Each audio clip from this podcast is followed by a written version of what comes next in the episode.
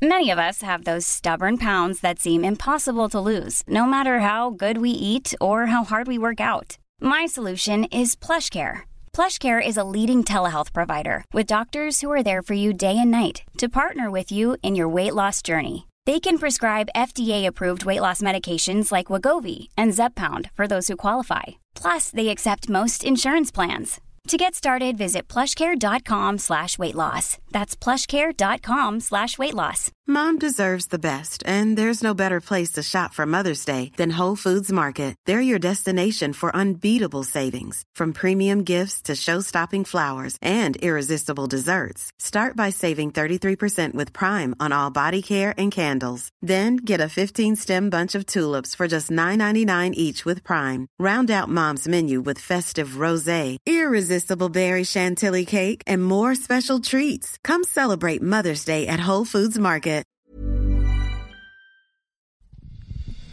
Det här är Bögministeriet, en gravt homosexuell podcast där ni får följa en grupp vänner som fläker ut sina liv i etern. Det handlar absolut inte om sex. Eller jo, det gör det. Men också en hel del om relationer, känslor, drömmar, frustrationer, ja, helt enkelt om våra liv tillsammans. Hjärtligt välkomna!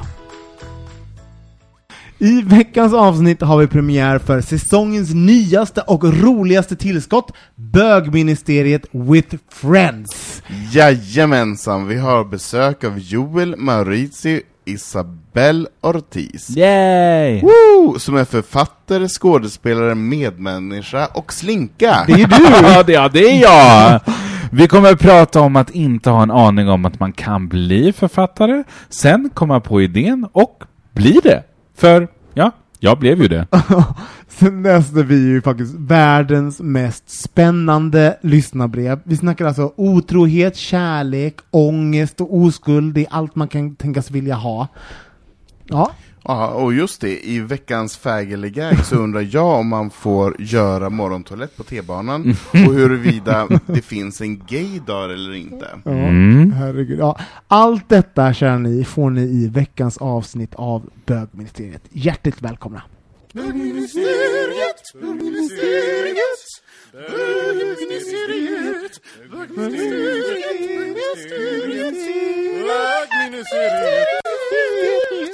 Eh, ja, men vad roligt. Vi, har ju kört en... Um, gud, nu lutar jag mig bak. Jag sitter fram som en... Hetsig som en... Vad är, hetsiga saker? Vill du ha en kudde? Nej. Nej. Varför ska man ha det? Varför ska man bekvämt... Vill du ha en kudde? Nej, jag sitter framåtlutad Ja. liksom, med vinet i Ja, hand. Det är redo. perfekt. Intresserad. Ja. Verkligen. Ja. Nej men, ehm, jo men precis, vi, vi har ju den här säsongen, det var ju länge sedan vi körde gäster i den här podcasten och, och vi tänker att det var ju inte kanske våran främsta begåvning ha- att intervjua, så nu, vi har strypt det konceptet och så tänker att vi bjuder in folk som vi är kompisar med och folk som vi är intresserade av, och då var du den första av det här Va? Joel. Wow! Ja. Det visste inte jag. Jag känner mig honored. Ja. Och- Men jag har faktiskt, jag kommer ihåg att jag kommer ihåg just det, jag minns två gamla avsnitt av Bögministeriet Mm. som trogen lyssnare. och då är det just nu när ni hade Alexa Ja. Lundberg och så hade ni Leo Berglund. ja, just det. Och det var ju så jävla roligt.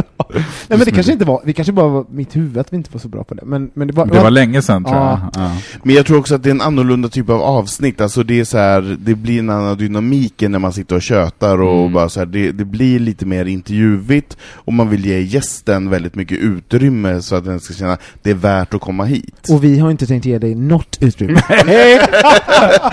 Och, och det ska du veta att när man, när man spelar in med Robin så får man vara glad för det lilla. ja. ja, men det känns, det känns jätteskönt. Är bra för mitt ego. Nu bor jag på att säga så här, att man ska alltid vara... Nej, jag vill inte ge dig skämtet ens gång, så det skulle ge mig en dålig fingerskap. jag bara...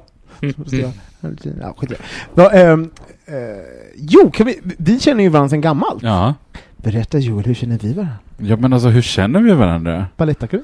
Ja, är det det? Ja. Ja, det är det. Ja, men fast, fast vi gick inte samtidigt. Nej, vi gick inte samtidigt, Men för du att du är mycket äldre än vad jag är. Du sökte, tror jag, när jag gick. Nej, Robin. Jo. Nej, Ja, men du jag- gick inte i Christian Lindins klass. Nej, det gjorde jag inte. Nej, du, alltså jag är mycket yngre än vad du är. Du är flera år yngre. Nej, men, det är från, jag tror att det är för att vi båda eh, är utbildade och har jobbat som musikalartister. Ja, Och i den branschen så sprang vi på varandra. det, jag är så gammal att jag inte minns. Nej men jag vet att vi inte gått Balettakungen tillsammans, men, men jag vet ju att vi eh, båda har gått, har en relation till Eva till exempel. Eva i café. Ja. Ja, det har vi absolut. Vi är gamla musikaltjejer som... Eh, Aha. men anser du dig hårt fortfarande vara en musikaltjej? Ja, men alltså jag gör nog det. Ja. Faktiskt, det var faktiskt, jag gjorde precis en produktion på Malmöoperan. Mm. Eh, så att eh, pengarna ska in och eh, musikal, eh, det eh, Kul. Jag gör det gärna. Mm. Men eh, jag går inte på auditions längre. Jag står inte och slampar i en nummerlapp bland 300 För andra. att du inte behöver. Precis. Mm. Men också, lite, men också för att jag bestämde mig för att det här håller inte. Nej. Jag kan inte gå runt här som ett liksom, boskap och liksom bli behandlad som skit. Eh, men, ing, ingen, ingen shade om ni som är boskap och.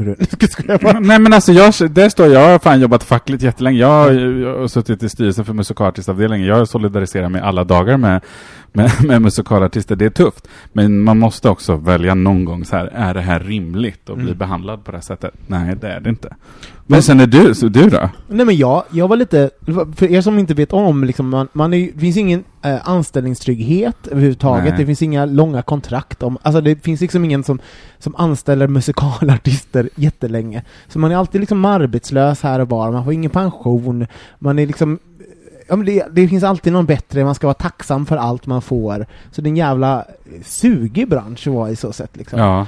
Ehm, nej men jag, jag blev ganska, alltså det tog mig kanske sex månader in i min karriär och jag insåg att jag kommer behöva leta efter någonting annat. Jag tyckte inte att det var, Nej. jag höll, höll ändå på i sju, åtta år men jag Mm. började redan liksom se mig om efter att göra Mm. något annat för jag insåg att det här inte är hållbart, eh, kommer inte vara roligt i längden, jag inte, känner mig inte utmanad och allt sånt där. Alltså det är så himla tragiskt egentligen, för man tänker ju som, som besökare och som konsument, Ja. så tänker man ja men nu betalar jag ändå de här pengarna, det är, alltså jag betalar gärna lite extra för att det ska vara bra förhållanden och Mm. bra arbetsmiljö att man... Så tror jag inte många tänker. Jag betalar gärna lite extra här till Pernilla. Wahlgren.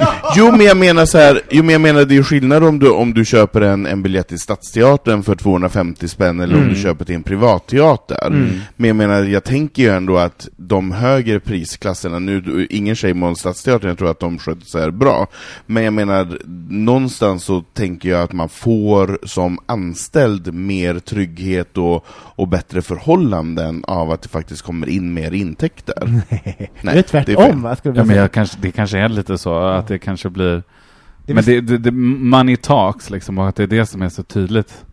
Men både Stadsteatern, där får man ju oftast längre kontrakt. och Det sånt, kan man få alltså. längre kontrakt, det är Och att det sant. känns lite mer, och det finns ju fack, där kan man Mm. vara fackligt ansluten på ett annat sätt. Det är sant. Men, Mm. men, men på privatteater så tycker jag, jag har nog trivts bättre på privatteater. Mm. Eh, därför att det blir mer, alltså människorna oftast är ju underbara musik, okej, eh, inte alla. Men, men man kan hitta sig guldpärlor. Säg vem som inte är underbar. Okej. Säg ett Eh, namn. Robin. Nej. Nej men alltså att just att, så här, att det liksom blir en härlig, liksom, eh, det är oftast roliga människor, man får ofta, jag kanske haft tur, man hade, så- men jag har gjort mycket så här bög, bög och dragmusikaler. Så det har varit väldigt så här familjärt. Mm. Det har ju varit mysigt. Jag har inte liksom gjort Les Misérables eller liksom typ så här Mm. fem timmar Kristina från Duvemålad. Alltså då hade ju, ja, jag, jag skulle aldrig få vara med i, i den heller för att jag inte, men det är sant, alltså, ja, nu ska vi inte dra upp den, men jag har, det har hänt när jag har sökt vissa jobb där det har varit så här, du ser inte svensk ut. Och man bara, okej, nej men det är bra, okej. Men hej. gud, får, får man... Men det, nu ska vi inte gå in för mycket. Nej, vi går inte... Nej, mycket det, vi öppnar inte det Pandoras Nej. box här, för det finns så mycket... Eller ska vi ha ett specialavsnitt? Ja, ett musikal. alltså, jag vet inte Racial profiling in musical theater.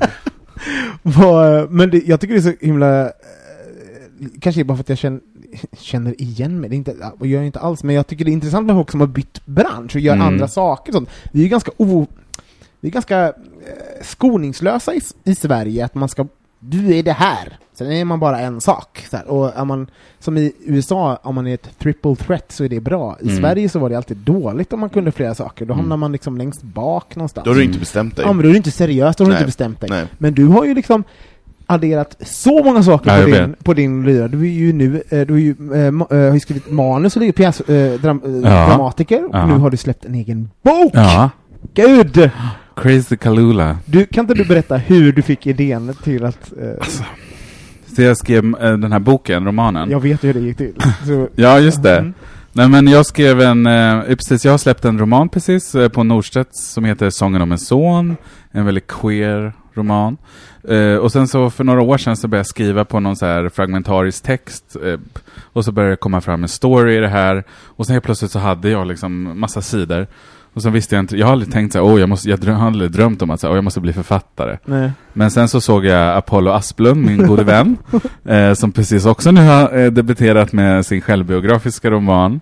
Eh, Apollo dansade aldrig på bögklubb i Damaskus, en fantastisk titel. Eh, och så jag såg honom på Instagram stå och skaka hand med litterära chefen på Norstedts, Håkan Bravinger, och tänkte jag så här, men fan om han kan, då kan väl jag. och då skickade jag in, så det är Apollos fel. Och, och ja, Eller förtjänst. eller förtjänst. 100% förtjänst. Jo men det är det som är så härligt också, man såg en annan liten klubbbög och liksom stå i de fina salongerna och då tänkte jag så här, men vad fan om, om, om Apollo kan då måste jag fan också få. Och mycket riktigt, tre dagar senare så satt jag på Norstedts och bara, what the fuck? Vad Men- hände precis? Alltså, Mm. förlåt, men hur roligt är inte det? Det, Det är blir så, så- inspirerande. Ja, verkligen.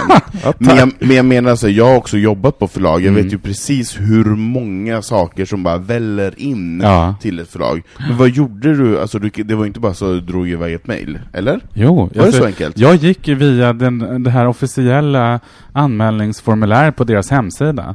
Jag googlade hur blir man författare? och så stod det, det är omöjligt. Och då tänkte jag så här, "Ja, men det, alltså, jag har aldrig haft mindre prestige i något jag någonsin har gjort. Nej. Jag tänkte, jag kommer inte få svar. Ja. Men jag, hade, jag vet, alltså det här kom väl... Det, de sa typ så här att så här, okej det här är inte vanligt att, du, att det går så här snabbt. Vad skrev du i formuläret? Nej men jag skickade in mitt manus och mitt följebrev. Jag kommer ihåg att, det enda jag kommer ihåg att, här, jag gillar sex. alltså, jag säger, hej jag heter Joel och gillar sex typ och jag har skrivit det här. Ja men det är sant. Och sen en bild på mig själv och sen en, jag tror att jag En hade... nakenbild. Nej men det var typ en bild på mig i drag tror jag eller något så här. ja, jag vet inte exakt. Men det var det alltså. Men jag tror att de fastnade för det, absolut. Jag ska inte förringa mig själv, men jag tror att det också hade lite med så här, timing att göra. Att det hamnade längst upp när, den här redaktören kom liksom till nästa dag och så bara oj, det här kanske kan vara Och något. var sugen på lite sex? Och var sugen på lite sex och typ så här, den, den tar ju upp eh, eh, det unika kanske är också är att den har en, ett, den är väldigt queer men den har också en adoptionskritisk spår. Och Som är det- jättehett. Alltså, alltså, förlåt, Ja, hett, men, men, det är ju eh, i Aktuellt. aktuellt Liksom. Ja. hett. Så Nej, men, nej men det, det är hett också, Ja. det är för att det är alltså just så här, och det finns lika många adopterade som finns upplevelse att vara adopterad, men just det här att det är liksom att vara, jag är inte emot adoption, boken är inte emot adoption per definition, men den tar upp liksom baksidan av det och Mm. hur det kan vara att vara adopterad liksom. Mm. Mm. Men eh, jag tycker, eh, vi ska prata lite om, eh, om boken, för, det, nummer ett så är ämnet väldigt, väldigt intressant. Men jag bara, det här med att du skickar in för du säger förringa sig själv, det är så lätt att man gör det också.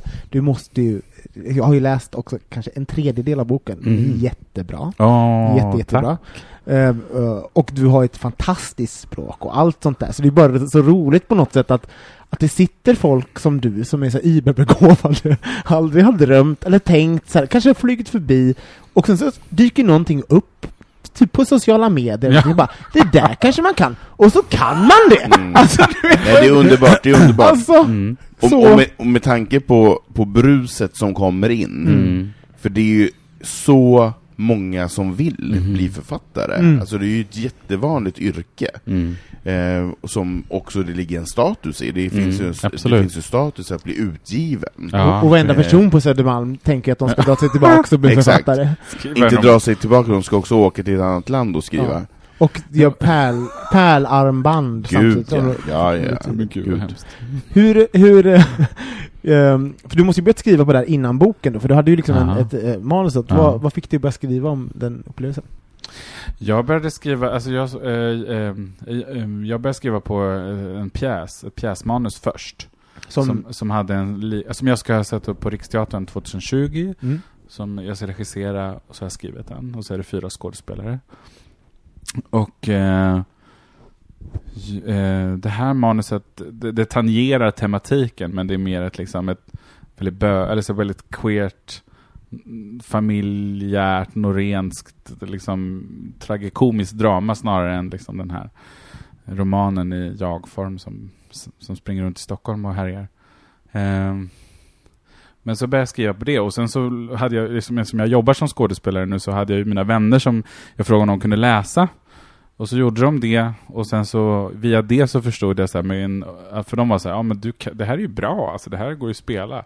Och då så fick jag mer självförtroende också, för jag fick pepp av fina vänner. Och då så började jag sen skriva på något mer, alltså prosaaktigt. Um, jag vet inte, det var som att det, jag vet inte om det var rätt i tiden. Jag, vet, jag minns inte riktigt hur jag mådde under den perioden heller. Jag tror jag mådde rätt bra faktiskt. Det finns ju också någon så idé om att så här, Mm. författarskap ska liksom komma ur ångest. Alltså, Och jag tror- konstnärskap överlag. konstnärskap, över- ja precis. Men jag tror att jag mådde rätt bra just då och kanske kunde också ja, göra konst av, av saker som har varit smärtsamma. Eh, Och tankar kring min ex, alltså existentiella frågor och erfarenheter på olika sätt. Som kunde liksom, jag kunde ha en distans till det. Som gjorde att jag också kunde här, komma ut och sen att det också kunde, jag märkte att det kommunicerade rätt bra i alla fall med det, med de som läste. Men hur, hur jag blir, när man börjar grotta i saker, det är så roligt, man, man, man trycker på en knapp. Alltså det, jag, jag till exempel, jag kan inte, men jag har ju gått i, börjat terapi så här lite grann, av lite olika anledningar. Men det är också så roligt. Du har inte bara, gått i terapi Nej, innan? jag vet, tro det eller ej. Alltså det var ju kanske i och för sig välbehövligt innan. ja, jag vet. Nej, men, Finally. ja, nej, men jag genomgår någon form av eh, utredning på om jag är eh, Ja men lite, lite ADHD kanske? Vilket, vilket inte så, jag vet alla som säger det bara ha ha ha, det är klart att du har det. Typ så. Nej. Men för mig har det varit såhär, va? Men det är så här, fisken är den sista och fattar att det är vatten ja, simmar i. Precis. Simma runt. Simma runt i AD- ADHD-vattnet. Ja, nej men jag är... ADHD, va? Ja! jag! Nej men jag är väl i slutet av det, och det är väl en ganska solklar historia sådär, men den utredningen har ju fått mig att bara, när man, man öppnar dörren till något så bara Mm. Oh my god! Ah, gud, ja. Storage room of... Lite så här. Hur, var, hur, hur var din upplevelse? När, för du, du bara, jag mådde ganska bra, jag Mm. skrev om något, men, Mm. men sen sätter man igång och skriva, vad, Mm. hände, vad hände för dig då? Ledande fråga kallas det i journalistiken. Nej men faktiskt så, jag tror inte att det blev, alltså det var inte att eh, det, eh, alltså, jag jobbar ju liksom, jag, man, man gräver ju där man står, men jag Ja. skulle ljuga om jag sa att det var självbiografiskt rakt igenom. Men via fiktionen och via så här, också lögnen som jag tycker om att säga, Mm. är att jag också kommer mycket närmare mig närmare mig, mig själv. Och det som var jobbigast att skriva, det är det som inte har hänt i boken. Alltså Mm. typ så här längtan efter intimitet, eller längtan efter typ kärlek, eller typ det finns men typ det finns en, eh, i boken så eh, huvudpersonen möter till slut en liksom så här, en person som den funkar med. Alltså så här, Mm. det, alltså sådana saker, längtan efter ett hem, längtan efter en eh, mamma, längtan efter ett hemland och sådana saker.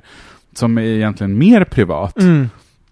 Än till exempel de här snaskiga liksom så här, sex och drogscenerna typ som, som kanske jag har skruvat till något mera. eh, för att få det liksom, eh, få det rulla liksom. Så det, har varit, det, det var fint eh, och, och kanske det som var mest smärtsamt. Men jag har gått i terapi väldigt många år nu. Jag tror jag är inne på mitt sjunde år. Så att jag hade Går du nog- fortfarande? Ja. Mm. Det kallas inte, det inte psykolog, det är sidetrack. Det är en annan typ av terapeuter, samtal. jo. Jätteskönt. Nej, Ja, förlåt. men du har gjort det? Mm. Ja. Och, eh, men jag, och så, på tal om att börja terapi, jag hade inte, för alltså, så här, jag är uppvuxen i en familj där min pappa var lastbilschaufför och mamma var undersköterska. Och det har liksom inte funnits någon, dels så här med vad jag har jobbat med har varit så konstigt. De visste inte vad Norstedts var. Och, alltså, det, alltså, det har inte funnits någon kultur Mm. hemma, utan det var en så här arbetarklassfamilj. Exakt likadant Ja, för mig. precis. Jag och då också, Ja. ja, och terapi för dem är liksom så här är du sjuk? Alltså så här, du ska, ja, säg. Men, men, nej, men jag kommer ihåg när jag pratade med min mamma första gången om terapi, att så här, men jag funderar på att jag eventuellt skulle söka upp en psykolog. Hon bara, men vad, vad ska du prata om? Mm. Ja. Vad, vad ska du älta? Det, det, det, Mm. Ska jag prata om mig? Personer, Har jag gjort Ja, fel? precis. Så sa min mamma. Man bara, ja. Bara, ja precis. Det, Kommer det, dras, kommer det dras fram saker som inte har hänt? Hon bara, nej men det är inte det. Och jag har också gått i terapi, och det är det bästa jag har gjort, men jag gjorde det bara för mig själv. Alltså, jag har inte ens delat saker med mamma och pappa som har hänt i terapin.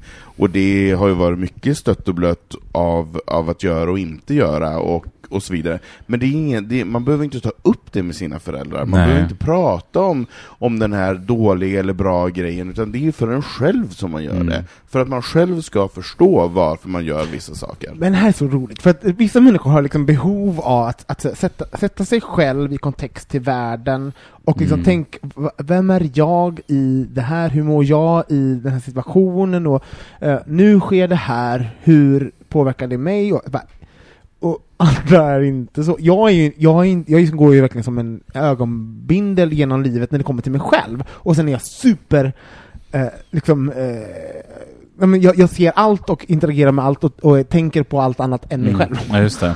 Alltså jag är, Du är väl väldigt klarsynt när det kommer till andra. jätt- världens Mm. klarsynaste. Och sen så kommer den här bara, Mm. men det är väl klart att du har ADHD? Vem? Var? Oh, glass! Så jag tycker det är så roligt med folk som har aktivt sökt upp Ja. psykolog. Jag skulle aldrig Ja. komma på det. Nej men jag ramlade in, alltså Ja. på, nästan, alltså så här, Var du också jag, på sidetrack? Ja, det var sidetrack, jag ramlade ner. Nej, det var inte sidetrack, men det var inte långt därifrån. Det var på Södersjukhuset på Venhälsan. Aha. Och sen så här, jag, jag, jag öppnar upp, jag skäms inte. Nej, men jag hade fått klamydia. Ja. Och då ska man ju sitta så här, och det här var, ja, det är nu sju, åtta år sedan, sju år sedan.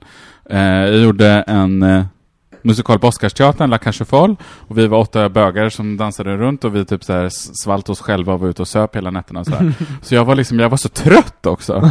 eh, och eh, Sen jag, så skulle man sitta så här i ett, man ska ju göra smittspårning om man har fått en körsjukdom, ska man sätta sig med en kurator och sen gå igenom telefonlistan och jag hade förberett så fint, jag hade till och med skrivit handskrivet så Det här. var Excel. Ja men det blev ett, hon sa bara oj det var många nummer.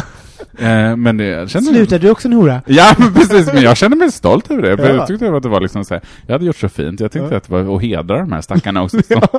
Men hur som helst, så, så, så den här, just den här eh, kuratorn var så fin. Och vi fick också någon kemi på något sätt i det här mötet. Eh, för annars kan det ju vara så torrt där, Ja. där och väldigt stelt. Mm. Men här var det inte det. Och så frågade hon så, är det någonting mer du vill prata eller fråga om? Och då var, jag var så trött för då mådde jag inte så bra och att Mm. jag också fysiskt var helt, jag var liksom dansare och liksom vägde, alltså jag var jättesmal. Ja. Och bara, och liksom så bröt jag ihop och började grå- och sen, och sen gick jag hos henne i ett år. Och, och liksom lärde mig att prata och att det var liksom okej att prata om, om mig och mina Mm. känslor inför en liksom professionell person som senare tog mig vidare till HBT-hälsan på Södersjukhuset. Jag gick i två år gratis. Alltså det är ju helt fantastiskt att de här instanserna finns Mm. för HBTQ-personer och också liksom så här, den homomaskulina gruppen liksom, som är Ja, det är viktigt att nå den. Liksom. Och att de har sp- special... Men HBT-hälsan är ju för, för alla. Liksom. Men, men, men det var liksom så det började. Sen har jag på egna då, privat sen, för att jag har haft Mm. ekonomisk möjlighet att, göra det. Liksom. Mm. Ja. Men också vilken, ehm, jag tänker bara, eh, det är ju en liten gåva till sig själv. Jag, jag inser ju saker, bara, jag önskar att jag hade gjort det här innan. Nu, det är så klyschigt, men jag önskar att jag hade tagit tag i vissa saker. För man bara, men gud, Fast, Mm. Fast- det är så uppenbart vissa saker. Och sånt jo, där. fast det är Ja. också så, när, när jag tittar tillbaka på när jag gjorde det, så sa jag exakt samma sak. Varför gjorde jag inte det här tidigare? Mm. Men man är ju inte mogen förrän man är mogen, man Nej. är inte mottaglig förrän man är mottaglig. Och jag menar, sen om du är 20, 30, eller 40, eller Mm. 50, eller 60, eller 70, eller 100 eller död, spelar ingen roll. Alltså när du väl bestämmer dig för att göra det, så är det värt det. Mm. Ja, och jag Alltså, tror... Nej, men jag tror också att, att du har också, eller alla som, jag tror definitivt att precis som du säger, att du har, eh, nu är rätt tid Mm. för dig att kunna ta det stegen och kunna möta det här arbetet, för det är ju också, att man ska ju liksom arbeta tillsammans med en Mm. terapeut och det kanske man inte kunde klara innan. Och också så här, man har ju, det har jag tänkt på jättemycket, hur man har bearbetat sina saker via typ så här jobb, sex, Ja. fest. Alltså Ja. du, du har ju inte bara gått runt som en grönsak, Nej, du har ju liksom. Gud vad fint du säger när du säger att man ska jobba tillsammans med, Mm. med sin terapeut, för det är inte många som säger det. För det är många som säger ah, jag borde gå till en psykolog och få hjälp med det här. Just det. Mm. Men man får ju inte hjälp med saker och ting. Mm. Man kanske får ett verktyg, eller Mm. man kanske får en insikt, eller Just man det. kanske samtalar om någonting som man inte tror att man ska samtala om. För när jag gick till, till min terapeut första gången så radade jag upp ett smörgåsbord av saker som vi skulle prata om. Hon bara, mm, ja, vi får se. Mm. Sköt det åt Mm. sidan, började med andra saker. Ja. Och sen så därifrån kommer ju en dialog och ett samtal och ett gemensamt arbete, Mm. så precis som du säger. Mm. för att komma fram till nästa nivå, och det är det som jag tycker är så coolt. Och det är inte det här Robin, nu ska du berätta och sen ska jag hjälpa dig med det här, för det är inte så det funkar. Det Jag bara, som... kolla här på Grindr, han skrev Nej. så här och då skrev jag va, och den bara skickade han kukbild och då blockade han mig! Ja. men, men det är så roligt, jag hade en kompis som också gick till en psykolog en gång i tiden och eh, var så down with allting. Och den psykologen sa så här, du har ingenting här att göra. Förstår inte vad du gör här överhuvudtaget. Du ska gå hem och göra rent hus. Du ska göra slut med din kille, du ska säga upp dig från ditt jobb, och du vet säga konkret Mm. bara så här, Wow. tack och hej. Och sen började den personen... Vad Nej, men- krasst! Ja, Han men bara, så... Ja, Sluta men säga så sanningar ja, till men mig, så för guds skull, ljug lite! Ja, men jag tror att många går till en psykolog också bara så här, hjälp mig, bara så här. men Ja. psykologen ska inte göra slut med killen. Nej. Psykologen Nej, ska inte säga det. till chefen att 'fuck you' Mm. Alltså det är du själv som ska göra det. Mm. Och har du möjlighet att göra det som den här personen hade, så behöver den inte gå som psykolog. Nej. Sen måste man ju säga också så här, det finns ju också, eh, det finns ju psykologer i ens närhet. Alltså man kan ju ha, man kan ju ha, en, eh, man kan ju ha relationer med vänner, familj och liknande som kan vara, sen, jag förstår det, vikten av professionell, eh, professionella samtal, Mm. men jag menar det finns ju folk som aldrig går, och, och, det, och det är ju, man kanske har verktygen att prata själv, det är inte Mm. alla som, liksom, jag tror alla kanske mår bra av det, men det Mm. finns ju folk som klarar sig hela liv. Jag har, jag har en fråga, eh, Mm. bara, för eh, i din bok, du säger du själv, det är mycket sex och knark och sånt där. Mm. Och det, det handlar ju om, eh, det finns ju mycket likheter mellan din, eh, Ja, karaktären i gud, ja. boken och, eh, och dig själv. Mm. Hur, hur hanterar du det? Alltså Mm. för, för att jag har en bokklubb, Mm. och jag tror den största problemet, som, och som jag är på, om man, jag läser väldigt mycket så är jag en van läsare, men alla är inte vana läsare i min bokklubb till exempel. Och det som alltid, folk alltid tangerar, det är att gå in, förväxla författare, förfa, äh, berättarrösten Mm. med författaren. Mm. Och jag bara, nej, det är inte, Mm. det är inte samma person. Vi Mm. måste komma ihåg det. Författaren ta, Mm. ikläder sig den här klädnaden Mm. och, och berättar med den, med den rösten, men det är inte den personen. Det är inte deras erfarenheter. Hur har det varit för dig, den saken? Ja, det, här tycker, det här tycker jag är det mest intressanta att få prata om, för att det är det som jag, jag finner lusten i just att leka med den här förväntningen också på eh, också som författare, vem det är som, som författare som får fritt spelrum att bara vara liksom författare Mm. och vem som blir autentisk rakt in från gatan. Mm. Alltså så här, det, här, det, det här biografiska, dokumentära, lite snyft. eh, Mm men, men jag, jag, fick, jag bestämde mig tidigt av att, säga att jag väljer det här spåret, jag vill ligga nära mig själv, men jag vill också ligga, eh, ha en distans och va, ha något så här totalt diametralt, alltså det är någon helt eh, annan också. Det är ju inte, en smick, det är inte ett smickrande porträtt. Nej. Också om man bortser från det här med liksom det destruktiva i sex och droger och liksom så här, så är det ju också en person, i, huvudpersonen i boken, han själv, är ju liksom helt skrupelfri och så här, Man gillar inte alltid honom. Nej, Alltså, den är narcissistisk och liksom elak eh, och sådär. Och då tänkte jag, alltså, men jag kände så här, nej men jag kan inte vara trevlig om jag ska vara författare. Det är också så här, det, det, och sen kände jag så här, jag är inte en person som heller har någon behov av att vara liksom trevlig eller omtyckt så här. Jag, jag tänker på mig själv som en ganska liksom snäll och omtänksam pri, person privat, men som författare så har jag, ing- så jag skiter i. ja. Eh, och sen om folk, eh, många har ju liksom såhär, åh jag visste inte att du har levt så här och, och mina föräldrar var väldigt oroliga för att jag i, i gestaltade ett ganska gravt alkoholmissbruk fram, framförallt i boken. Mm. Eh, och då så var de väldigt oroliga över att jag var eh, att alkohol, gravt alkoholiserad. Mm. Eh, och det är jag inte. Nej. Har det funnits perioder i mitt liv där jag har druckit för mycket? Ja, men jag, men jag har inte liksom alkoholproblem. Men det var de väldigt oroliga över och då fick jag ta det samtalet. Och sen som mamman i boken är död. Mm.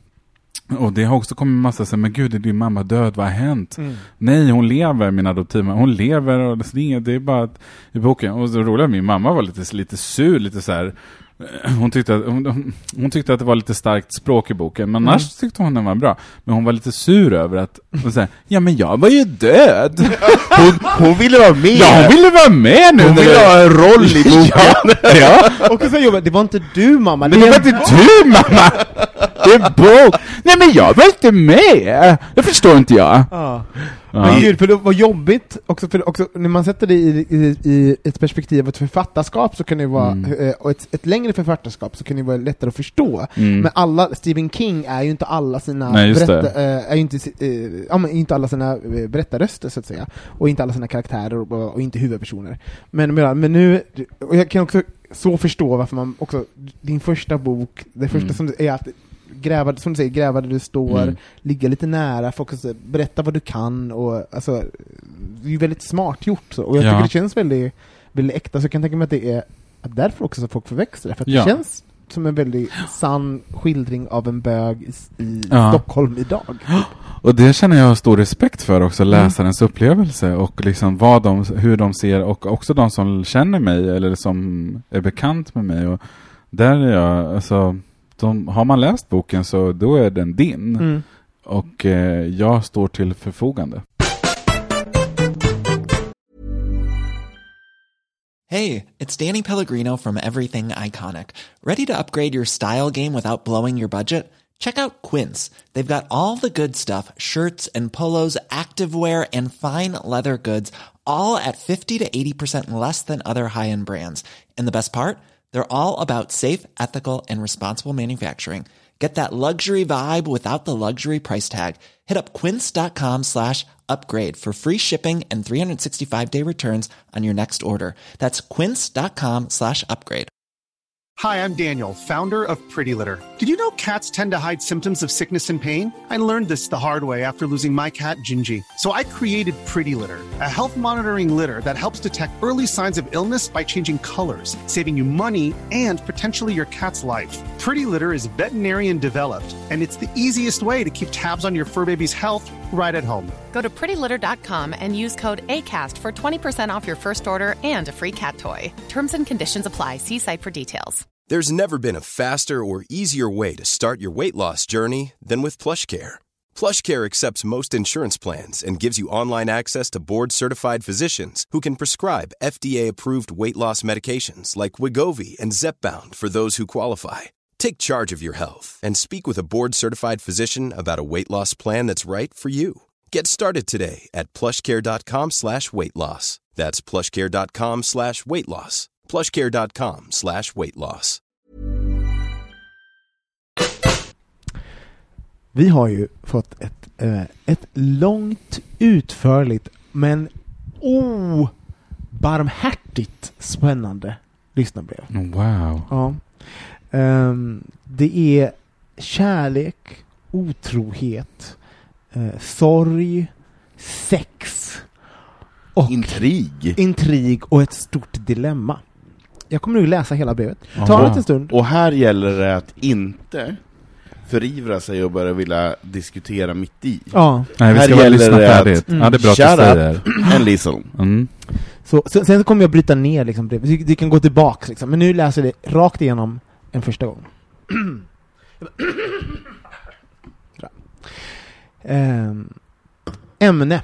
Gå vidare, stanna kvar, öppna upp. Hej Sveriges bästa ministrar.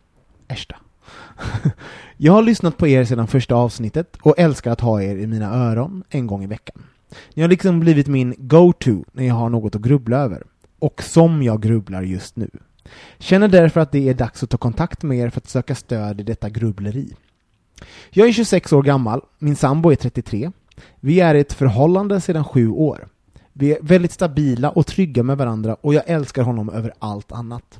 Men nu har väl den stora sjuårskrisen tagit tag i detta förhållande. Innan jag kommer till mina förhågor så behöver jag nog berätta nuvarande läge och hur det har uppkommit. Here we go. För två år sedan laddade jag ner Grindr. Detta var något nytt för mig då Cruiser var det som eh, fanns sist då jag raggade killar.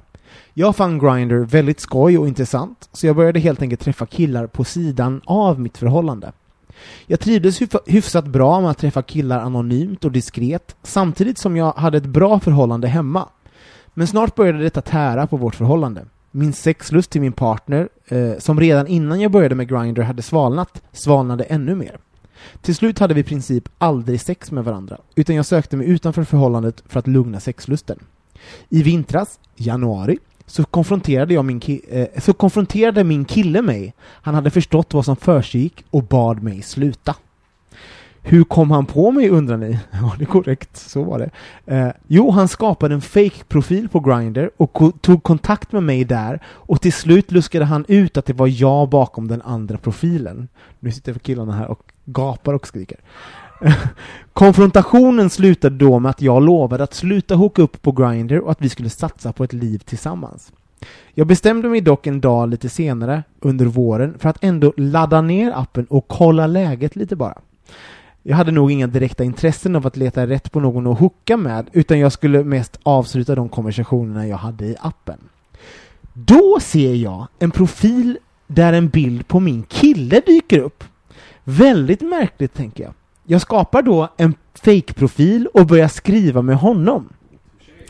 Mycket riktigt, det är min kille som är inloggad och söker anonyma diskreta sexträffar. Min reaktion blir då Fuck this! Får han göra som han vill, då får väl jag göra detsamma. Vi har nu i nio månader haft ett outtalat öppet förhållande, där jag ser att han är inloggad och ligger runt. Han ser inte att jag är inloggad på grund av ny profil, men han misstänker nog att jag gör detsamma. Fine, tänker jag. Det är väl så här det får vara då. Nu hoppar vi fram till denna vecka, september, då han konfronterar mig igen efter att ha rotat runt i min telefon och hittar bevis på att jag hänger på Grindr. Jag kontrar då om att jag vet att han också hänger där. Vi börjar en lång diskussion som sedan leder fram till detta. jag, tänk, jag kan tänka mig att ha ett öppet förhållande där vi själva bestämmer reglerna och lever precis som tidigare. Han kan inte tänka sig kan inte alls tänka sig ett öppet förhållande. Däremot en trekant då och då tillsammans med mig. Eh, han vill att vi håller ihop. Nu, äntligen till mina frågor. Är det rätt av mig att vilja ha ett öppet förhållande? Eh, jag vill såklart fortsätta träffa killar på Grindr som förr, då jag tycker att det är kul och spännande. Är det fel av mig att vilja ligga runt när jag är 26 år gammal? Eh, är det fel av mig att inte vara så sugen på att ha en trekant med min partner? Hur går jag vidare i snacket om öppet förhållande? Om vi enas om ett öppet förhållande, har ni då några tips om hur man kan lägga upp det? Slutligen är förhållandet dödsdömt. Tacksam om ni kan hjälpa mig med detta grubbel. Fortsätt med det ni gör, ni är bäst. Åh gud, det bara kliar i halsen. Här ska vi hjälpa till! Ja, här ska vi dyka in. dissekera och hjälpa till. Kan jag bara Ska vi- säga att det här är det bästa brev jag någonsin fått. Alltså, det är, det är så bra! Utförligt, alltså Men- helt briljant. Det är alltså vilken, alltså en applåd för den här fantastiska brevet. Men alltså bögar är ju så härliga för de blir fan aldrig tråkiga. Nej. Och nu! Och nästa! Och Så hur- vidare! Så hur börjar vi med detta? Jag bara, eh, Men ska vi försöka svara på frågorna först? Mm. Och sen backa tillbaka? För jag tycker att det finns... Jag tycker... ska vi inte bara göra reactions? Alltså bara, för svara på... Men jag kan ju säga då att jag precis häromdagen, förra veckan, träffade jag en kille via Grindr som jag hade sex med. Som, som, be, som öppnade upp väldigt mycket, du vet man så här står där i hallen och säger tack, tack då. Och så bara, jag har ju pojkvän vet du, och det, han eh, vet ju inte om att jag... Nähä, okej. Och hur känns det då? Det låter ju inte så kul. För jag tänkte, för jag det är alltid så här, ge mig mer, tänker jag. Att det ses i min nästa roman. Och så, men nej, inte så, Jo, inte det så är exakt så. Ja, det är exakt så. Men du vet, för då tänkte jag så här, men, för jag tänkte så här själv att det var så, ja, för jag har aldrig gjort så. Men jag tänkte Nej. så här, jag, också, jag dömer inte alls det. Men, men, men att han fick ju tillfälle att öppna upp där i hallen om liksom så här, att han just har en anonym Grindr-profil Mm. och sen bestämmer träff med killar eh, fast han har förhållanden, pojkvän inte om det. Och sen så faktiskt idag så var det två andra killar som skrev på Grindr som också sa så här, jag är förhållande. Och då tänkte jag så här, vad är det en tjej? Så här, Nej, de är tillsammans med en, de har liksom ett bögförhållande. Så det verkar, jag vet inte om det är en trend kanske? It's a, it's, a, it's a trend. Ja. Det ja. må det vara. Ehm, men, men jag tänker också så här. De har ändå varit, alltså, han är relativt ung. Mm. Han är 26 år gammal, de var väl tillsammans i sju år. Han var Wow. alltså 19 när de träffades. Ja. Mm. Alltså, oh my god. Ja. När jag var 19 19 år gammal, Mm. mm, Mm. inte redo Jag har för sett sju- bilder. Ja, du har gjort det. Ja. Mm, gullig. Det var jättegulligt faktiskt. Men jag var inte redo för ett förhållande på sju år, jag var absolut inte redo för att så här, ha ett monogamt förhållande där, där man inte skulle få ex utforska och, se nya saker. Jag ville, ju- jag ville ju knulla runt. Ja. Eh, Sen kan man ju vara en 19-åring som vill någonting helt annat. Så, Absolut, jag pratar bara utifrån mig själv och, Skrik inte åt mig. och jag refererar till det som, står, som han skriver Ja. i brevet. Så det är det första. Mm. Sen tycker jag att det är töntigt att man ska så referera till en, att man måste ha kris. Mm. För jag, jag är inte alls säker på att man måste ha kris i saker och ting.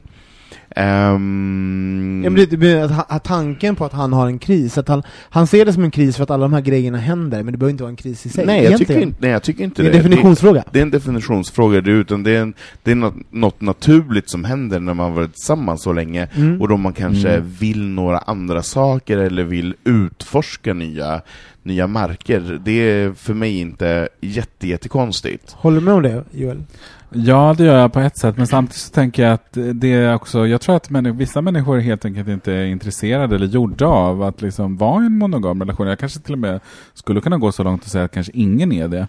Men eh, jag tror att det beror på så här, kontext och tid och erfarenhet som gör vad man mår bra av i stunden. Men här så låter det definitivt inte som att det är en person som egentligen skulle må bra av att vara i en monogam tvås, alltså tvåsam relation där man Mm. är sexuellt exklusiv. Mm. De verkar ju vara rätt rörande överens om att man ska vara till exempel eh, romantiskt emotionellt exklusiv. Mm. Mm. Men att det ändå finns en öpppenhet i det sexuella. Sen Mm. verkar det vara lite på detaljnivå om det ska vara trekanter eller Mm. liksom, Mm. gör vi det, kan vi göra det tillsammans eller liksom, ja. Och det där, och det, förlåt Robin, men det där tycker jag är intressant. Just det, här, vad är en öppen relation? Vad är det? Vad, vad betyder det för mig? Vad betyder det för dig? Vad, och för dig? Det är olika saker. Det är så Ja. otrohet, det är också Det är så, så- himla... exakt. Det? man, man måste ju prata om det. Mm. Och jag personligen är inte en jätte jättefan av en öppen relation. Nej. Men däremot så känner jag mig öppen för att ha en diskussion om det. Mm. Att när jag träffar en partner och vi kanske har varit tillsammans ett tag och man känner det här är någonting som är viktigt för den andra personen, Mm. då får man ju ta en diskussion om det. Mm. Och då kanske jag tycker något annat. Men Mm. den här shaming-grejen som man Mm. försöker på så här, men om han har och då ska jag och då, då, då har jag rätt Den att göra bäddar det ju här. för problem. Not good. Men jag tänker, jag försöker zooma ut, för man kan gå in på så här detalj ganska mycket så här, vad, vad som är gjort och sånt. Men om man bara zoomar ut så, så, så ser jag så här, de, att det inte finns liksom verktyg för att hantera eh, eh deras känslor. Alltså de, det känns inte som att de eh, pratar om sånt där. Fin, det- alltså finns det... det fin, Nej, de, de tar ju upp det här via att skaffa fake-profiler Ja. på Grindr. jo, och, och det är så här, och, och, Det tas för givet. tas för givet, alltså, man blir ihop och då är man, då är man monogama och då, är, alltså, så här, då, då är, det fanns det vissa saker som var förväntat och att det var tvungen att smusslas med. Och, Gud ja. och jag tänker så här bara, jag, blir, jag tror jag har, jag har tjatat om det här så himla mycket i den här podden, man kan inte för, alltså om man ska leva ihop, Mm. när man blir ihop med någon, så då måste man ju tänka att man ska vara ihop med den personen resten av livet. Men, alltså man, måste, förlåt, man, man vet att det, det, man har oddsen emot sig, men man måste ju utgå från att så här, "Ja, men det är vi nu, annars kan man ju bara ge upp alla relationer, tänker jag så här. Man bara, Mm. Alltså, men Kanske. nu är det vi, och vi tänker inte på huruvida vi gör slut, utan vi Ja, är här nej. och nu, och för, förhoppningsvis har en framtid. Ja, absolut. Eh, och, då, och då tänker jag så här, det är ju, det är ju ab, absurt att tänka i ett längre perspektiv att vi inte kommer gå in i olika faser. Att man måste ju preppa för Mm. att sexlust till exempel försvinner. Vad gör vi då?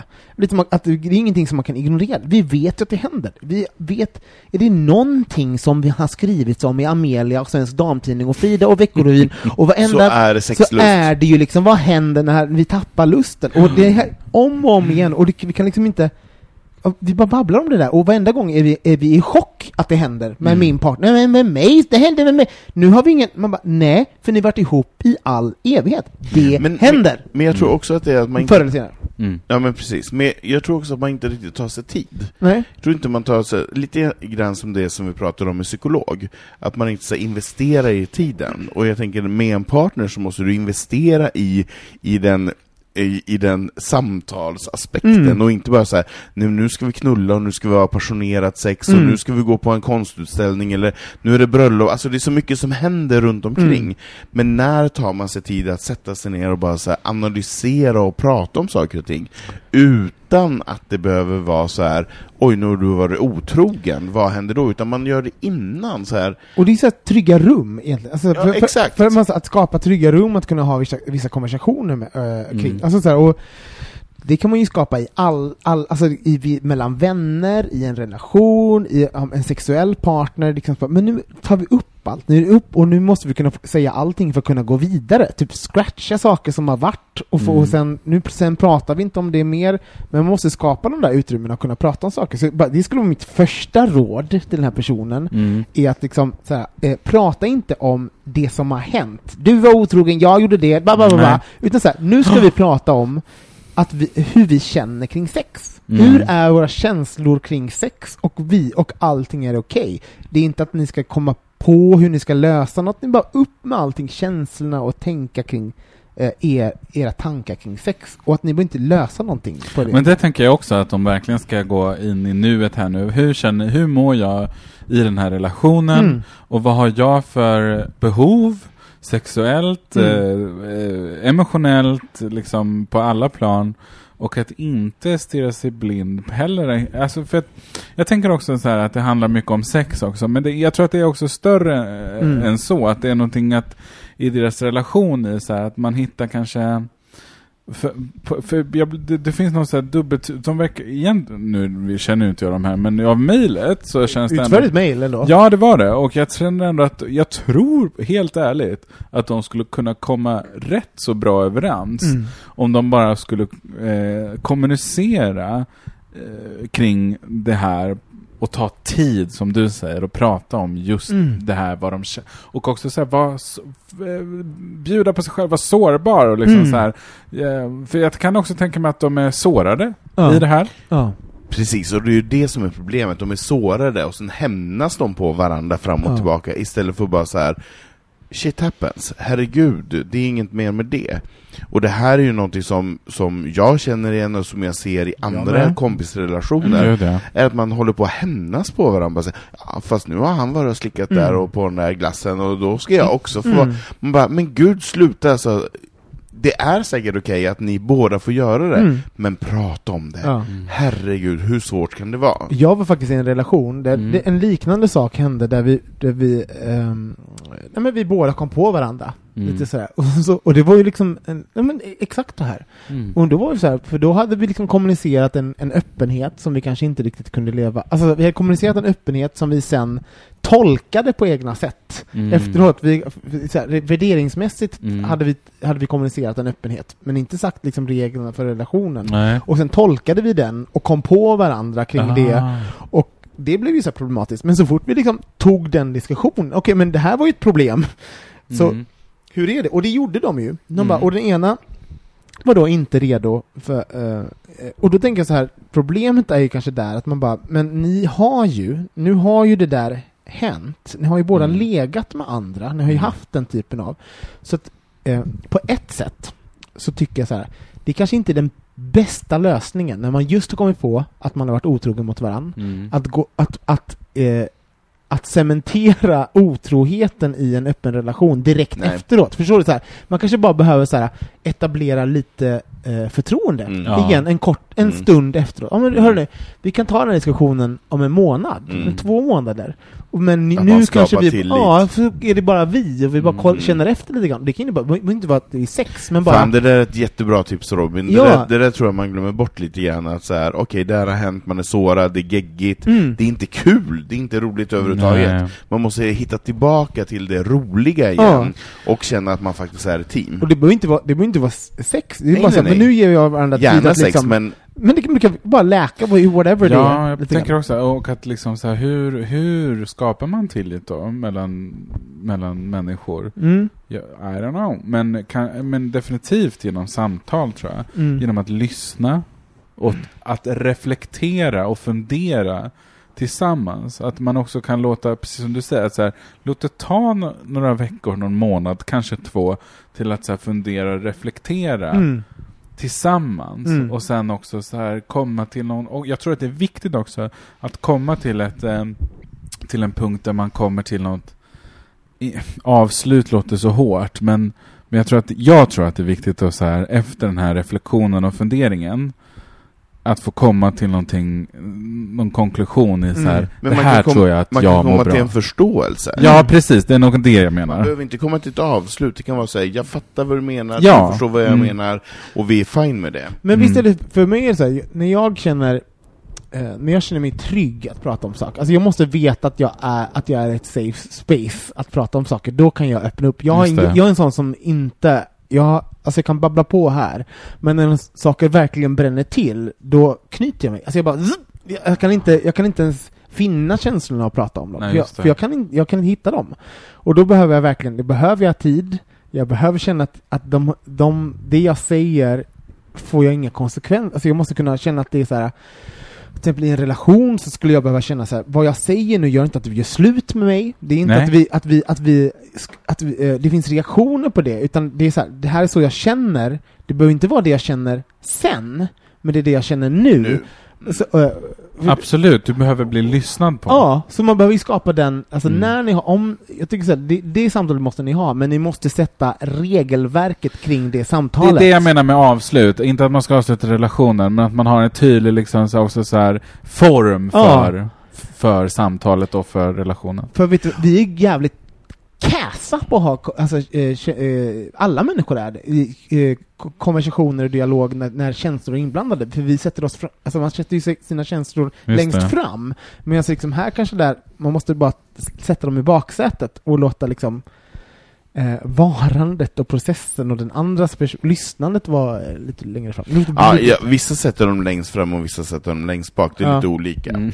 Men, ehm, men det är ju svårt, alltså man skulle vilja ha någon typ av så här processledare som var med en i, i, en, i, ens förhållande och bara så här, hjälpte till för att få de här äh, samtalen att hända. Ja, men det här kanske det är tillfälle om de har möjlighet att, att gå och tala med någon. ja. Alltså i en sån här, de är ju på något sätt i en eh, skärningspunkt Mm. på något sätt. Det är ju precis där man skulle kunna gå, och inte länge, utan här skulle ju några gånger för att så, alltså, så här, få lite co- coachning i liksom Det är Mm. parterapi. Har, Om man, för de verkar ändå rätt intresserade av eh, Ja. relationen. Ja! Mm. Visst är det fint det där, för jag måste bara, det finns ju gånger som man hör, man bara, men ni, det finns inget, förlåt men det här brevet är skrivet med sån kärlek, Ja, verkligen. Ja, och det är så utförligt, och du Verkligen. har... Du skriver inte sån här brev om du verkligen inte bryr dig. Exakt! Och det är fan vackert! Det är så jävla fint, så att jag har all, eh, liksom till, fa- fram, framtro, framförsiktig? Framfall. framfall, jag har allt Tillit. framfall, tillit för den här relationen, eh, för att det, det finns så mycket kärlek. Och, men det finns specifika frågor här. Är det rätt av mig att vilja ha ett öppet förhållande?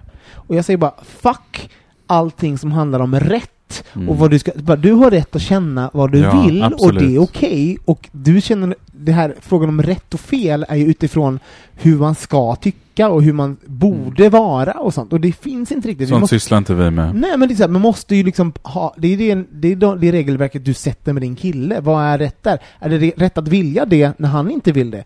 Eh, det kanske inte är bekvämt, men är det rätt? Ja, för det är dina känslor. Så nej, det finns inget fel i det. Så liksom, lägg inte dig själv, liksom, skambelägg inte dig själv för det. Håller ni med om det? Eller håller ni Ja, öppet förhållande är absolut rätt om, man, om, eh, om parterna mår, om det funkar i den konstellationen. Ja men att han känner, om det är fel att känna det. Nej, absolut Nej, det inte. Det är rätt att känna Det- det. det är jag, jag skulle vilja säga att det är till och med sunt. Ja, bra. Är det fel om jag att vilja ligga runt? Och sen så lägger jag ju till också värderingen, när jag är 26 år gammal, det är roligt. Det är inget fel att ligga runt, du får slampa hur mycket du vill när du är 16, 26, eh, får man göra det de här 16? Ja det får man. När du, när du är 26, när du är 96, alltså kör på! Det handlar återigen om så här hur du mår och liksom, det, klart, det finns baksida av allting, det gör det. Man ska heller inte romantisera liksom promiskus, promiskusiö, alltså det ordet som jag inte kan säga nu. Hora runt. Tack, hora runt. Men det finns i, i, grunden så är det, hell, det finns inget, moraliskt sett så finns det inget, jag, tycker, jag, jag känner bara så här, desto mer sex, desto bättre, men man måste hitta sig själv i det Mm. och kunna hantera det, som ni ofta pratar om här också. Och det är ju också det som är så viktigt när det kommer till den frågan. Det handlar Mm. inte om att du 26. Nej. Det handlar Men nu, bara om men nu ska också den här lilla slampiga personen säga en, en, Mm. en sanningens ord. Ja. Och det är att man behöver ju heller inte förknippa eh, ålder med att man behöver vara aktiv på Nej, något sätt. Det kan inte. vara så här att du är 26 år gammal och bara vill inte ha sex Nej, med tusen personer. Du kanske bara vill ha det med en person. Det är också okej. Du kanske inte vill Så- ha det med någon? Nej men precis, det är, det är fine, så att man inte hela tiden går efter så här, men jag är 26, jag borde vara kåtare än vad jag egentligen är. Den är viktig. För det är bara Mm. så här, är du kåt, var kåt och gör som din kropp och det som ditt, ditt psyke säger. Mm. Håll inte på att tänka att det måste vara på ett visst sätt. För jag menar så här, en 60-åring kan säkert vara horigare och slampigare och kåtare än vad en 14-åring kan. Mm. Jag och känner tvärtom. honom. Du gör det? 60 eller 14-åringen? Båda två. Både. Nej men, bara, bara så att man inte låser sig att säga jag är 26, jag borde känna mer. Det är För du väldigt kanske- viktigt tycker jag att du, du, säger du det. kanske är nöjd med det här. Mm. En Och sak, också att man kan ha sex med sig själv. ja, ja, jag har aldrig haft det men Va? jag har, jag har hört att man kan. Berä- Men- berätta! Men nu måste jag säga en sak på det här, för eh, för det finns ju också, bara, jag är ett levande bevis, jag är en sån person som kan bara, kan vara med om någonting jobbigt, det kan vara en stressig situation, jag har stressigt på jobbet, eller Ja, som för ett par år sedan, min vän dog, Mm. det som bara, och sen så whips, som ett kort på posten så är jag horig två veckor senare och Mm. har liksom en, en jätteslampig period i två Mm. veckor. Så att jag kan, man kan även, så här, bara för att man känner så bara, jag är kåt nu, nu vill jag ligga med folk och bara, Mm. så bara, det finns jag tror att vi är ett sånt översexuell, eh, översexualiserad eh, kontext och miljö, så det kan vara bra att ibland bara så här, checka in med sig själv. Så här, vad är det, nu känner jag det här, nu vill, jag vill gå in på Grindr, jag vill, jag vill ligga med massa människor, jag är i en relation, bla bla bla. Okej, är du kåt? Eller är det, vad är det, är det någonting annat? Vill du ha en konversation? Bara, Mm. Så man kan stanna sig själv, man måste inte agera på allting. Jag vet jag bara säger det för att det ska vara sagt. Ja, men jag håller med. Eh, för, jag, för så fungerar jag. Jag kan, jag kan ibland såhär, och sen kan jag ju agera på det också, för det kan ju vara lika hett ändå, även om det Men jag tänker också att det kan vara ett sätt att hantera situationen som Mm. egentligen inte behöver vara negativt. Nej. Därför att det kan lika gärna vara så att du skulle gå till gymmet åtta timmar och ingen jävel hade lyft på Verkligen. ögonbrynen. Men eh, just för att det är med sex, och jag tänker också att det har med queert sex att göra, så är det så att vi är så inpräglade med att det är något problematiskt i grunden i det, även hur fria vi än må Mm. vara. Så, så tror jag så att, precis, ja. Nej men, ja, Mm. det behöver inte vara negativt, men jag bara med, man ska veta vad som driver en. Ja, jag, är absolut. så, jag är en sån där bara, det kan vara, eller, eller, man måste inte, men det kan vara bra om man till exempel skri, skriver till oss, så kan man vara, eh, alltså, Det är viktigt att säga det, absolut, Ja. jag håller med.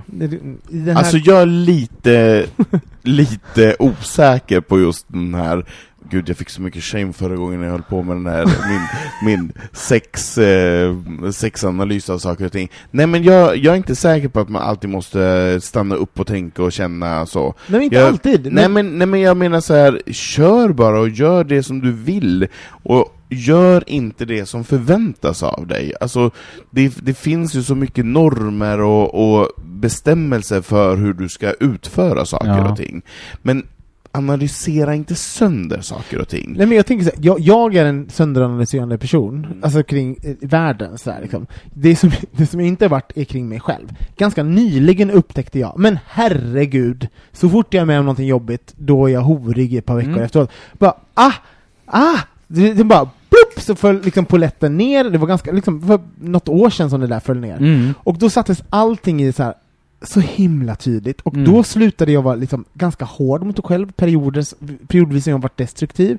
Jag bara, men det var ju för att det hände innan, det var för att det, och Mm. med, för mig var det ett sätt att vara lite snällare mot mig Mm. själv också. Mm. För här finns, jätt, finns skuld i det här Mm. eh, brevet kring hu, huruvida men är, det, är det rätt att hantera på det här sättet, att han känner de här känslorna? Och, jag bara, och allting hör ju ihop på något sätt. Så Mm. jag liksom vill bara säga det för att liksom, hör, hörru, man kan även ehm, Mm.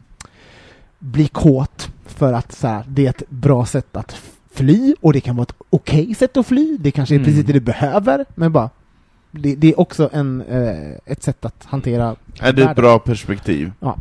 Eh, sen har han även annat här. Eh, hur, eh, är det fel om mig att inte vara så sugen på att ha trekant med min partner? Nej! Absolut, en trekant, jag vill säga att det är en egen sexualitet, de som Ja. tycker det är kul med trekant. Eller? Ja, håller med. Jag tycker det är det värsta som finns. Jag tycker också det är lite torrt. Det, det känns lite miljöpartistiskt. Det, är lite torrt. Nej men jag, alltså på riktigt, det är som såhär, det är som, eh, förlåt men så folk som inte haft så mycket bra sex fantiserar om att ha en trekant och tänker att det ska göra sexet bättre. Men det är råtorrt. Ja, förlåt. Ja, vad men tänker vi, du? Men, men, jag, Skål för det! Jag, jag är med på skålen, jag blev bara lite chockad att det var så pass, men ja. Mm. Men vad känner du då? Kring Eh, trekant just.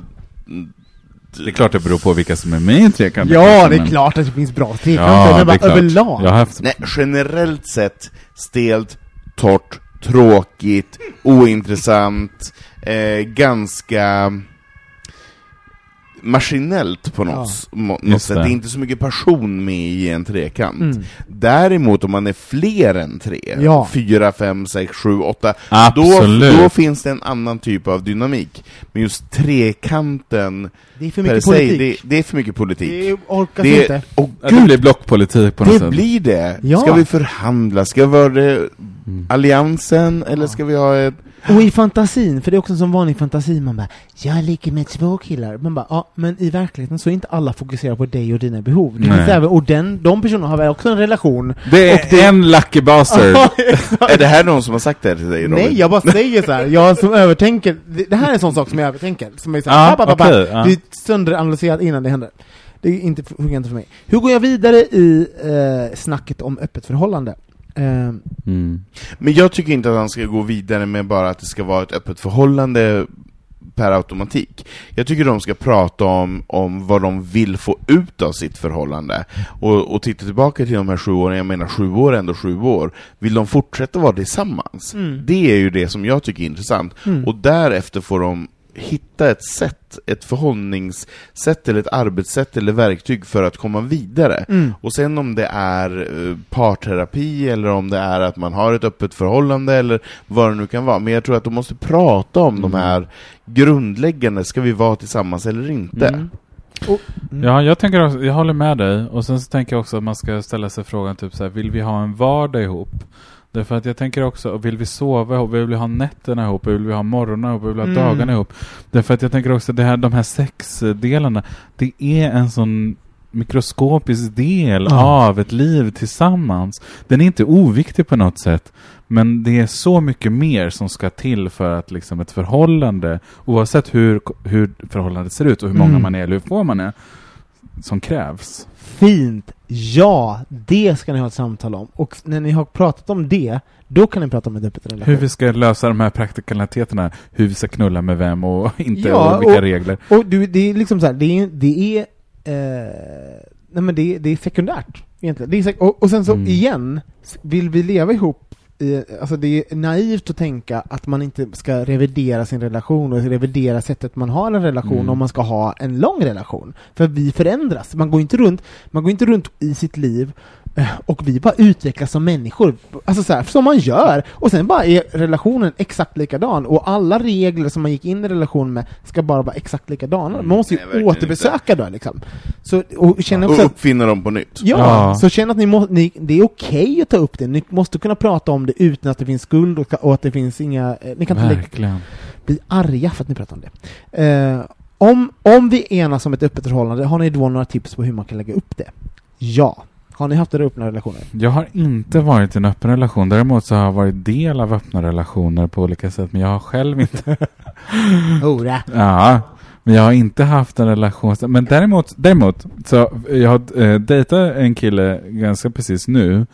Eh, som, som ställde frågan precis idag faktiskt om huruvida så här, vad vill du med det här? Och då har vi sett en månad ungefär. Alltså så här, vi har sovit med varandra, vi har gått på bio, vi har ätit på restaurang och vi har liksom haft jättemycket sex. Och jag liksom, jag tänkte, jag bara, jag är jag och du är du och min inställning är att så jag är inte ute efter den eller jag känner inte just nu att jag kanske är jag, jag är en monogam person så. Och så tänker jag att det här samtalet, och nu ställde han frågan och då så sa jag det ärligt och han var intresserad av att ha just en mer monogam, tvåsam relation eller en dating-situation i alla fall som var exklusiv. Um, och nu sk- vi ska prata om det liksom. Då Det kände jag också så att det var viktigt att ge tid till att så här, kommunicera det uh, ordentligt. Men uh, det, det, mer än så har inte jag erf- erfarenhet av Men återigen, kommunikation, kommunikation, kommunikation. Ja, eh, och jag har ju varit i ett par öppna förhållanden och det är, jag skulle säga att eh, ti- tipset, eh, tricket är ha tydliga reg, tydligt regelverk. Mm. Vad är det? Så, här, så att ni pratar om alla tänkbara scenarier. Eh, och sen så är det viktigaste är relationen. Alltså all, allting annat som sker utanför, det är att eh, basen är er relation och den andra personens känslor. Och det måste vara liksom navet kring, kring allting. Om någon säger jag vill inte, jag kan inte, jag känner, alltså, så här, jag känner mig otrygg, då måste vi lyssna på det. Den är så himla, för annars så... Fan det där Robin, det är så jävla klokt sagt. Ja. Att navet är relationen, för Mm. jag tror att det är det man glömmer bort. För det sexuella och, och den nyfikenheten, och det tar överhanden. Mm. Och sen glömmer man bort att fan, det var ju vi två som skulle Mm. göra det där tillsammans. Och sen om du är ute på den där picknicken och jag är ute på en annan picknick, det är en annan sak. Men just om man har den här tryggheten Mm. bara så här, det är ju vi tillsammans. Mm. Men, och det är det jag menar lite grann så här. de måste komma underfund med, är det de som ska vara tillsammans? Mm. Och kommer de underfund med det, då kommer det lösa sig. Mm. Då kommer de att förstå varandra. Och då kan man ju ha jättekul däremellan, men det är ju uppenbart, eller så länge man vill samma, samma eller samma olika. Mm. Och, och, och den, den grejen kring den här nav, nav-grejen är ju så, för man kan ju ha vilket reg, regelverk man vill, men om din partner säger så här Gud, det känns inget bra ikväll. Då kan du säga, men vi har, jag har bestämt en träff. Nej, det Nej, inte ju, det. nu har vi inte det längre. det är inte så. Då är det det som man För nu vill jag att vi till. ska gå tillbaka hem. För det har jag hört ganska, ganska många har jag sett att folk har, om det varit fester hemma hos mig och att där har blivit en grej när, när någon har sprungit på regel, regeln som de har gjort, re, ramverket, och den andra har bara, men jag känner inte mig okej. Och då har ehm, det som är längst fram, det som får leda är reglerna de har sagt. Men det är aldrig det. Det är liksom käns känslorna. Känslan måste komma först. Ja, där tänker jag också att så här, allt har de här, de här binära, att det, en, att det måste mer, vara mer komplext, det måste vara mer nyanserat Mm. och det måste vara mer, vi måste vara mer i stunden och mer också med känslorna, precis som det här att så här, vi kan inte, vi kan inte, och det, vet du, jag tycker också är typiskt män, att hålla på typ så nu ska vi bygga upp ett Ja. regelverk som vi håller oss till och så, så vi ska till höger och sen ska vi vänster. det! Ja, precis. Det har vi protokoll på. Eh, istället för att liksom vara lite mer mjuka i det. Och jag tror att det är liksom, jag tror att, ja, mjukhet. Är förhållandet dödsdömt? Absolut Mm, Nej, inte. absolut inte. Absolut inte. Och, och som vi sa tidigare, att han bara ansträngt sig att skriva det här, Mm. det tyder på en, en vilja att eh, Absolut. förstå och vilja, en vilja att göra någonting bättre Mm. och en vilja till att, att göra en förändring. Jag känner också precis det och att jag tänker att de verkligen vill någonting med den andra. Mm. Jag tror att de bara behöver eh, förstå sig på vad det är de vad de vill med sig själva och relationen. Och, men de, de känns som att de vill nå med varandra. Men de har trasslat in sig i den, de här liksom, nästan eh, liksom grekisk drama. Mm. Och de har ju reagerat på varandra så länge. Mm. Istället för att, för att liksom ha Istället en, för ha en inte gemen- reagera. Ja, Mm. så de har bara reagerat på varandras beteende. Så, att, Mm. så sluta reagera, prata med varandra. eh, Och har ni möjlighet, gå parterapi. Ja, Skulle jag säga. verkligen. Och jag, vi tror på det och det är eh, bara lite tips till alla kära lyssnare ute. Så här skriver man ju ett brev. Alltså. Mm. Nej, ni skriver alla jättebra. Nej. Men gud, det var jättespännande. Kort Bara- som lång. Ja, kort som långt. Det var, måste inte skriva så här. Gud, nu bara shamear jag folk hur de skriver. Nej, ja, vi får ju väldigt bra brev. Men, men med det sagt, det är ju kul att få en bakgrund, det är ju Ja. roligt, det är roligt att förstå problematiken. Nu kan man ju ge eh, kanske bra råd. Men det blir mer intressant för det, det går inte heller komma med en sanning här. Det går Nej. inte komma med liksom ett svartvitt perspektiv. Nej, Och, det är alltså, ingen jag- ja eller nej-fråga. Nej. Man känner ju verkligen så här att jag, jag är ju lika mycket på pojkvännens sida som jag är på hans sida. Det finns, Mm. ingen, det finns ingen Nej. hjälte i den här Nej. sagan, så att säga. Utan det är en, en relation där ni behöver prata. Men det är det som är så det- rörande tycker jag med människor, framförallt med bögar, att hur vi, vi kämpar sådant för att liksom nå varandra och så Ja. har vi liksom massa störningsmoment med Grindr och så Ja. liksom klubben och natten. Alltså, Det är underbart. Och, och, och i slut, du säger något väldigt fint, och i slutändan så handlar det så här, två personer som har ett liv ihop, som kanske vill, vill, vill de vara med varandra, de sover, kanske vill man Mm. vara med varandra när man är äldre, och sen så finns det alla det här, det bruset runt omkring som du sa Anton. Och sen så ska man bara komma, komma på hur man ska filtrera och liksom vad man ska, ska vi ha ögonkontakt eller ska vi ibland titta bort? Och, alltså så här, det finns något väldigt fint i det. Man ska bara komma ihåg vad det är vi pratar om. Liksom. Eh, ja.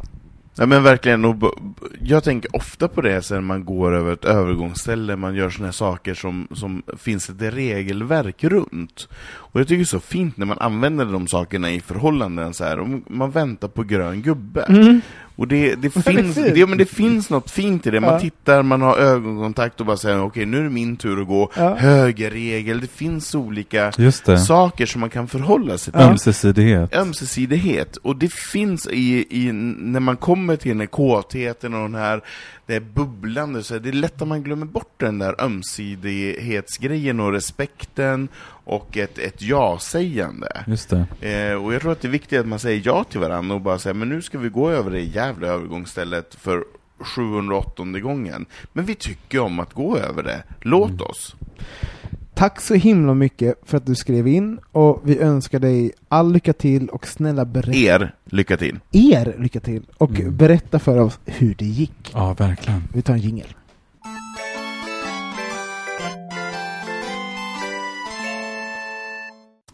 Jo Joel, nu ska jag berätta för dig.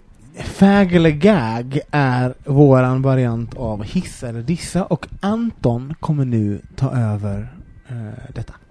Ja, det kommer jag. För i den här veckan så är det jag som leder den här frågespalten. Hur- Och då är det så här att jag kommer att säga ett påstående och sen så säger ni fag eller gag och då har vi ett, ett uttryck för det, ol- de olika sakerna. Och fag, då låter man Robin och gag, då sätter man i halsen. Ja. Så det är ganska enkelt. Nu kommer de här och hämtar dig. Men får jag fråga, vänta, vänta. Om, om det är fag, wee! Då är det bra. Ja, precis. Och är det gag så är Då är det... det Då är det Och dåligt. vi lägger ingen värdering i om man tycker om att bli gaggad eller inte. Nej, för det var mina mer bara- följdfrågor, men det struntar vi då. Nej, ja, men- det är men- bra. Och man, vanligtvis ska man liksom bara gå vidare, men ibland är det så intressant så, så att Anton Ibland kommer jag ställa en Ja, men det är jättebra. Nu, nu är jag med, nu är jag med. Vi kör. Okej, dagens fag eller gag. Jag undrar, tycker ni att, eller tror ni att det finns någonting som heter gaydar? Wee! Ni är ense? Ja. Aha. Finns det gaydar? Känner man om någon annan person är homosexuell? Nej, men jag tror att man känner av stämningar, energier och blickar och kroppsspråk och doft. Alltså, det är jag helt övertygad om. Det är ett liv av eh, inlärda eh, Mm. signaler. Och jag tror också att det finns ett, det finns ett väldigt vackert ord som heter atavistiskt. Som man kan googla. Men hur, så här, så här, ur, ursprungligt på något sätt. Så här, som jag tror bögar. Jag tror, jag, nu, är jag, nu låter jag nyandlig. Men jag tror att bögar, vi har ett eget språk för det Kåt där. kallas det annars. Ja, precis. Kort och gott kåt. Okej, fråga nummer två. Ni har börjat chatta med en person, ni får lite pirr, och så helt plötsligt ska vi ha telefonsex. Vad tycker ni om telefonsex? Sista! Ja. From another mister! Gud vad härligt! Det Jag värsta men- jag vet. Ja, jag, alltså, jag förlåt, men det är verkligen 90-talet. Hej då. jag bara kom hit istället. Vad ska du sitta där borta? Eh, Adjö. Det är som, som Scruff, de bara Skicka mig bilder, berätta hur du vill. Jag bara, men jag orkar inte, du är i eh, Panama Belgien. och ska, vad ska jag berätta för dig vad ska jag göra när jag kan hitta någon i närheten och Nej, göra men det telefonsex, med? alltså helt allvarligt talat, vad är det frågan om? Nej, Nästa fråga, det. jag vill inte ens prata om det. Nej, Nej, exakt. skäms, skäms bara. Här är en enkel fråga. Vad tycker ni om nagellack på killar? Gud vad likt! Ja, verkligen. Jag tycker det är jättesnyggt. Ja, men jag har Alla det ganska ofta. Alla färger, absolut, det spelar ingen roll. Men däremot så tycker jag att man ska eh, välja nagellack med lite mer omsorg. Men så här, du sa killar. Jag tycker inte om det på cis-heterosexuella män.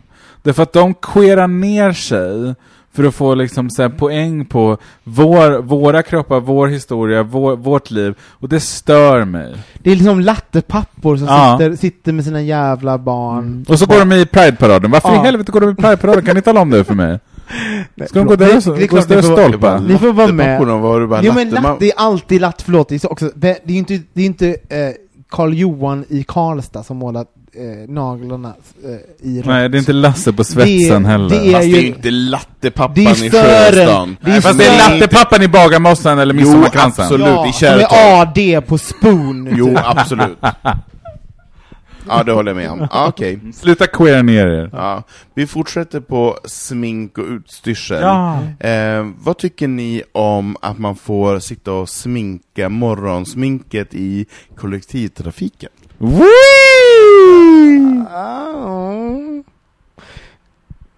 Alltså, Du måste göra fag eller gag.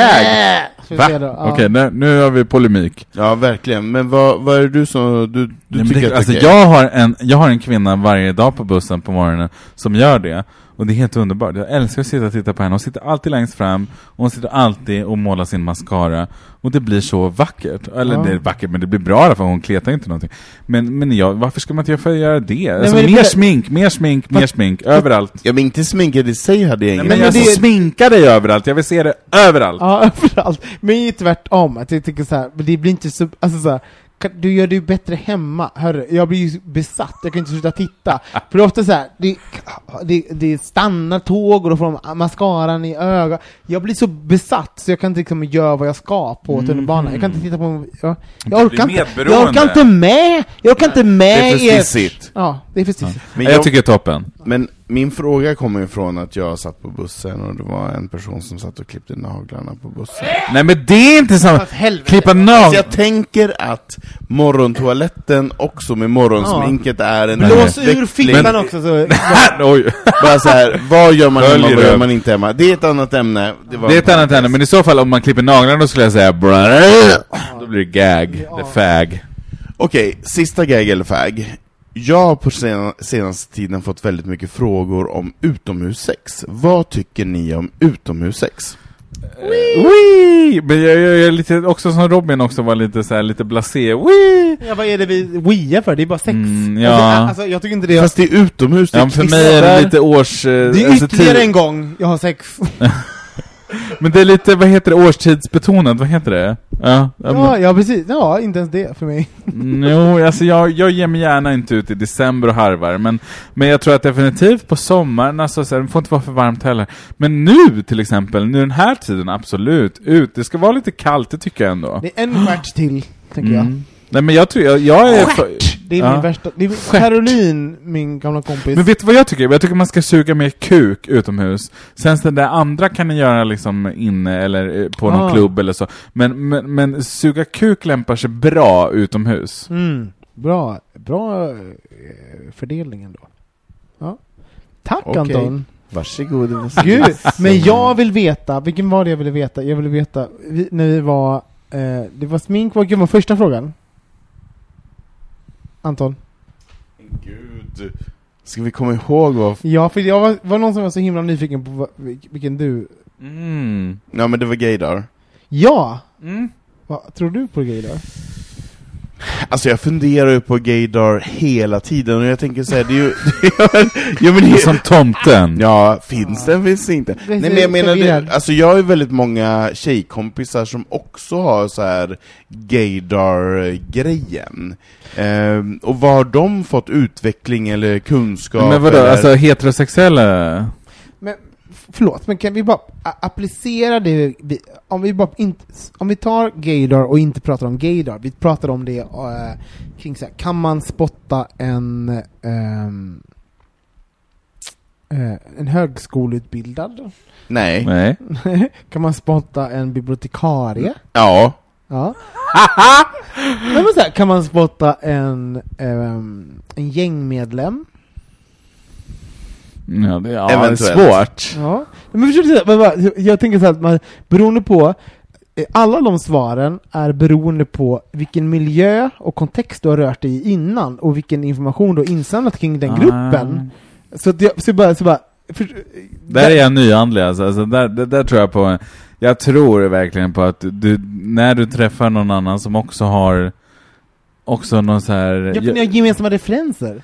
Nej, men jag språk. tror, jag, jag, alltså, jag tror på, alltså, jag tror på alla som bär, och då menar jag inte homosexuell, bisexuell, allt, alla de här kliniska, men jag tror på någon annan så här, inre starkt liv utav att in, alltså så att vara vara liksom eh, queer på något sätt. Ja. Det, det, det, jag tror ändå att du, så här, du, kan, du kan förnimma den ändå. Alltså. Men frågan kommer från, och jag tycker också som du, men jag känner i en nutid så känner jag mig lite desonje-orienterad.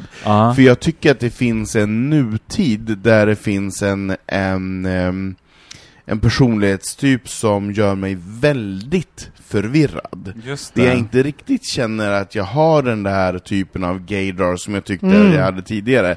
För nu är det så här. Vad hände här? Vad var, vad var det här för sammanhang som vi befann oss i? Det var Ah. något annat som hände, och det är ju för att... Ett hål i ett hål. Ja, det också, det också. Eh, Men, är det den? Är det den? Är det den? Att det ska vara just det där knullet? Nej, verkligen inte. Nej. Verkligen inte. Nej. Det här är noll knull överhuvudtaget, Okej, utan det, det, är en, det är en energi, det är en dynamik, det finns en, en attraktion, det finns något, något, som, något annat som jag inte blir klok på. Eh, och det här... Betalning. Ja, gud ja. Alltså ge mig pengarna. Som, som statligt anställd så rik. Nu måste vi runda av, för det här är världens längsta avsnitt. Men Joel Mauricio Isabel Ortiz. Mm. Var det korrekt nu? Det var helt rätt. Skönt. Underbart. Eh, Vad heter jag? eh, jag vet inte, men det, är- jag ser fram emot att lära, lära det. Ja, ja, Anton med. Renström. Um, vad roligt att du var här! Ja, det var Ja, så jättekul. kul! Alltså, jag kände mig så honored. Jag pratar engelska. Ja, det Men också, det var gör så... lätt när man blir så lite... Men eh, jag vet, man har mikrofon i handen Ja. och känner sig lite kändis. Nej, men det här var helt underbart. På riktigt, det var så fint att få träffa er och det var så roligt att och få prata mer med dig Anton. Vi har ju sprungit på varandra, men vi har inte suttit och pratat så här. Nej. Robin, min, din gamla toka. Det var underbart att få vara med i bögministeriet såklart. Underbart roligt. Tack för det. Och vill ni följa eh, Anton så gör ni det på Anton Renstrom på Instagram. Eh, vad följer man dig? Man kan följa mig på Twitter, eh, sök bara Joel Mauricio, Mm. eh, Isabel Ortiz. Och på Instagram, Joel Mauricio understreck någonting. Bara hitta, hitta mig bara. Ja, hitta. Ni har sett eh, bilden. Jag heter at Olsson Robin. Om ni vill att vi ska ta upp eh, någonting eh, som ni undrar över, tänker på, funderar över, har sett er omvärld, ert liv och så vidare, då kan ni skriva in till oss antingen på Facebook, Twitter eller Instagram på privatmeddelande eller så kan ni göra det anonymt via vår hemsida som är eh, www.bogmysteriet.se Där finns ett anonymt formulär. Man kan även mejla oss på hejatbogmysteriet.se Wow. Typ så. Ja. Eh, med det sagt, tack och hej! Tack! Happy Pride! Hej då!